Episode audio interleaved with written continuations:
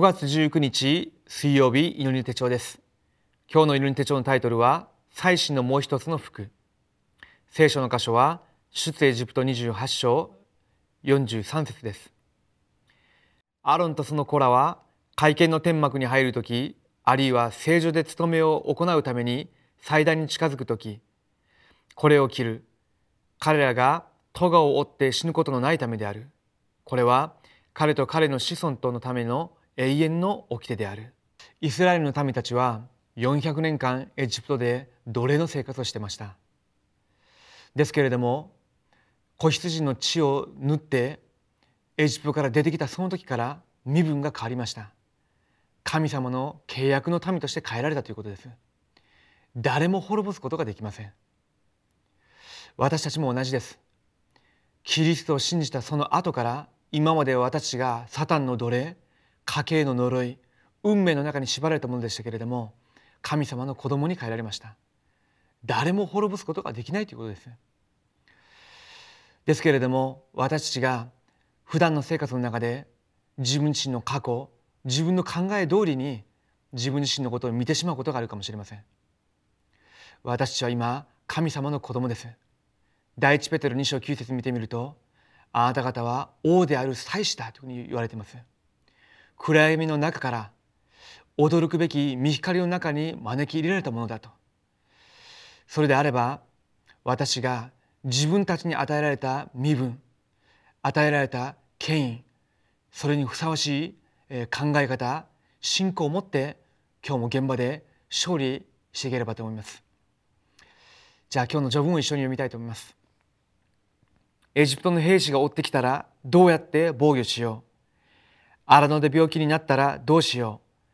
う。飲み水と寒さと暑さはどうやって耐えよう。行く道での他の敵にあったら逃げるべきなのか。イスラエル民族は恐れと不安の虜になっていました。この時神様は不思議な命令をされます。すべてのイスラエルの民族と祭司たちは服を着替えなさい。そうでなければ死ぬ。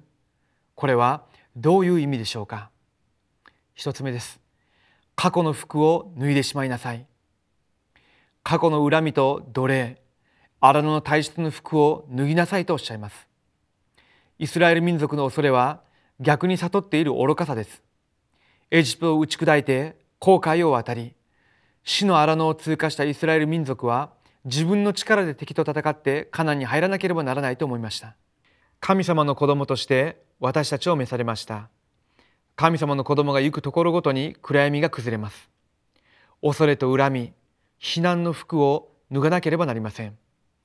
子供らしい福音の服を着て感謝し、望みの中で忍耐し、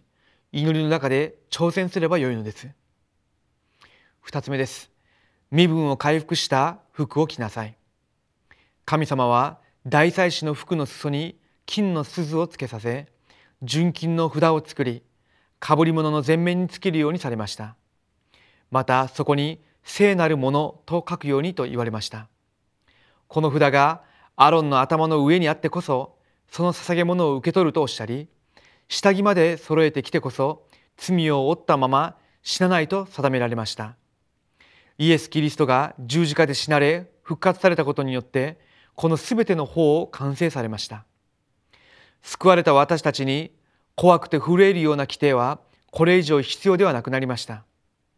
イエス・キリストの父親の力を信じる者を義とされます。神様の聖なることに参列する身分と権威を与えられるのです。これからイエス様を信じて身分の服を着替えればよいのです。神様の子供であることを堂々と表せばよいのです。どんな極限の状況や最悪の状態になっても福音を持つ神様の子供は絶対に滅びません。福音のゆえに受ける祝福は肉的なことを乗り越えて霊的に来る誠の勝利の奥義です。イスラエルの民たちが子羊の血潮を縫ってエジプトから出てきたその時からイスラエルの民たちに対する噂が全地に広まってました。荒野にもカナンの地にもイスラエルの民たちがあのエジプトに勝利して航海を渡ってと荒野での多くの危機の中にあったとしても神様が共にいて今カナの地に向かってきてるんだと。イスラエルの民たちは自ら錯覚して恐れてましたけれどもカナンの地では敵たちが震え上がってました。どういうことでしょうか？イスラエルの民たちは自分たちに与えられているものすごい身分と権威契約の民としてのその自分たちの与えられている祝福をよく悟ってなかったということです。日本の現場では偶像崇拝者不信仰が大多数で逆にクリスチャンとして教会に通っているということが少数で形見の狭い思いをしているそういうクリスチャンたちも多くいるかもしれません。ですけれども錯覚してはいけないと思います。私に与えられている神様の子供としての身分と権威というのは日本を福音化して日本の闇を打ち砕いて世界福音化してもあまりあるぐらいのものすごい力です。私にすでに与えられているこの身分と権威もう一度私が確認してこれをもって日本を福音化するように神様が私を召されたんだと。そのような大きな確信を持って今日も現場で勝利していただきたいと思います。では今日のフォーラムの主題です。私が着ている服が何か見ましょう。過去の服傷の服を着ているならばまずその服を脱いでください。そしてイエス・キリストによって与えられた新しい服を着てください。新しい服に着替えたならば神様の子供らしく私の立っている現場の中で神様の恵みを味わえばよいのです。お祈りします。父なる神様に感謝を下げます。私たちが奴隷の服傷の服呪いの中にいた時のそのような自分の考え生き方を持って生活するのではなくてすでに与えられた神様の子供としてのものすごい身分と権威を自分のものとして確信してそれを持って現場に出ていく時に神様が共にいらっしゃる証拠が現れるようにしてください。今この時間にも与えられている身分と権威に対する大きな確信を与えてくださり祈るこの時間にも主が精霊で現場で働いてください。主の使者を今先に送り出してくださり